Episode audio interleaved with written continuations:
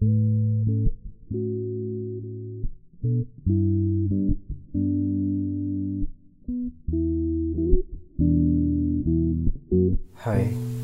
selamat malam.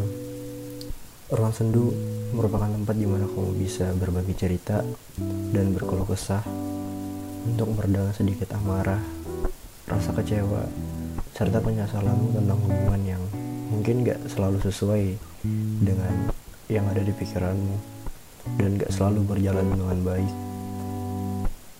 Selamat datang di Ruang Sendu. Kenalin, nama aku Rosi Fitrianto dari Ruang Sendu. Jadi malam ini kita akan ngebahas tentang salah satu cerita yang aku dapat dari salah satu followers Instagramku dan dia minta buat aku bacain ceritanya. Cerita ini dia minta namanya untuk disamarin. Mungkin dia malu terketahuan. Jadi aku bacain dulu ya ceritanya. Dari awal dia nge-DM aku. Jadi gini, aku pacaran sama mantan aku 7 bulan. Terus dari awal tahun udah mulai berubah. Alasannya karena capek. Dia baru pindah. Pindah kerjaannya. Agak lebih banyak. Aku coba ngertiin itu. Januari masih agak mendingan lah terus pas bulan Februari malah agak parah berubahnya jarang ngubungin kalau diajak ngobrol malah marah-marah. Tapi itu masih mending juga kalau masih mau balas chat. Tiap ditanya kenapa berubah dia selalu bilang aku nggak berubah. Aku cuma lagi capek sama kerjaanku yang banyak. Oke lah aku pahamin itu terus. Uh, kalau dari kalau menurut aku ya dari pandanganku sih uh, sebaiknya kamu harus sabar aja sih kalau keadaan gini sih ada dua kemungkinan ya belum menurut aku. Yang pertama sih mungkin aja dia emang bener-bener butuh waktu buat sendiri buat fokus sama kerjaannya dan kemungkinan kedua atau bisa dibilang ini kemungkinan yang terburuk lah. Dia tuh udah bosen sama kamu dan dia berusaha buat ngejauh dari kamu secara perlahan. Emang sih kedengarannya sakit banget. Tapi kan emang kenyataannya begitu ya sabar aja lah pokoknya tapi kalau misalnya kamu memang sayang sama dia ya kamu coba buat bertahan lah. Ntar juga dia kayak bakal paham gitu.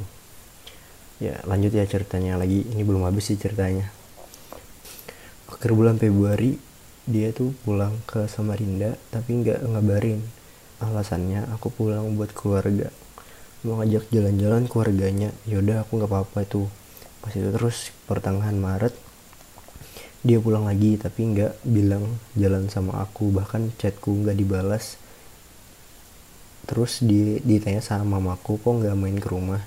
Alasannya dia pulang ke Samarinda sama seniornya.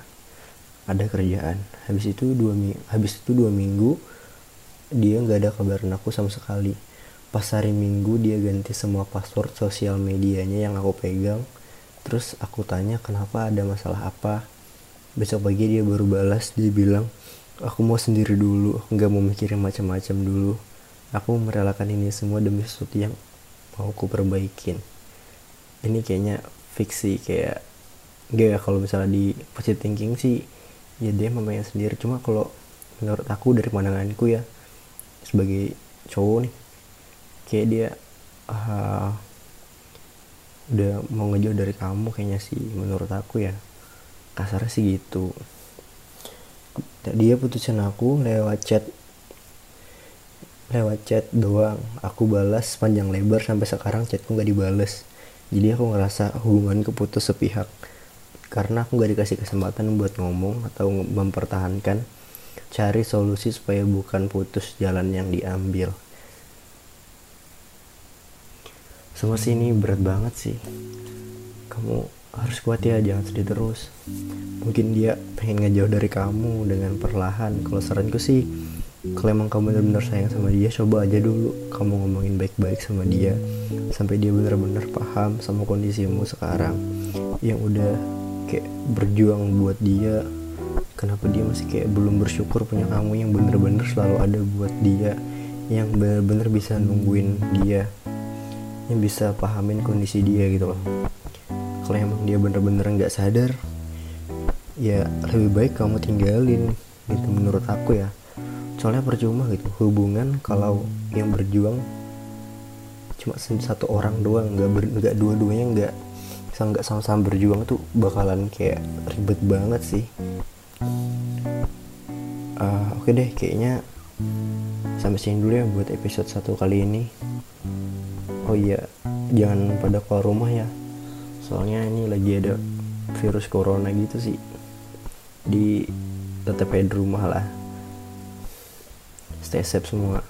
Goodbye. Selamat malam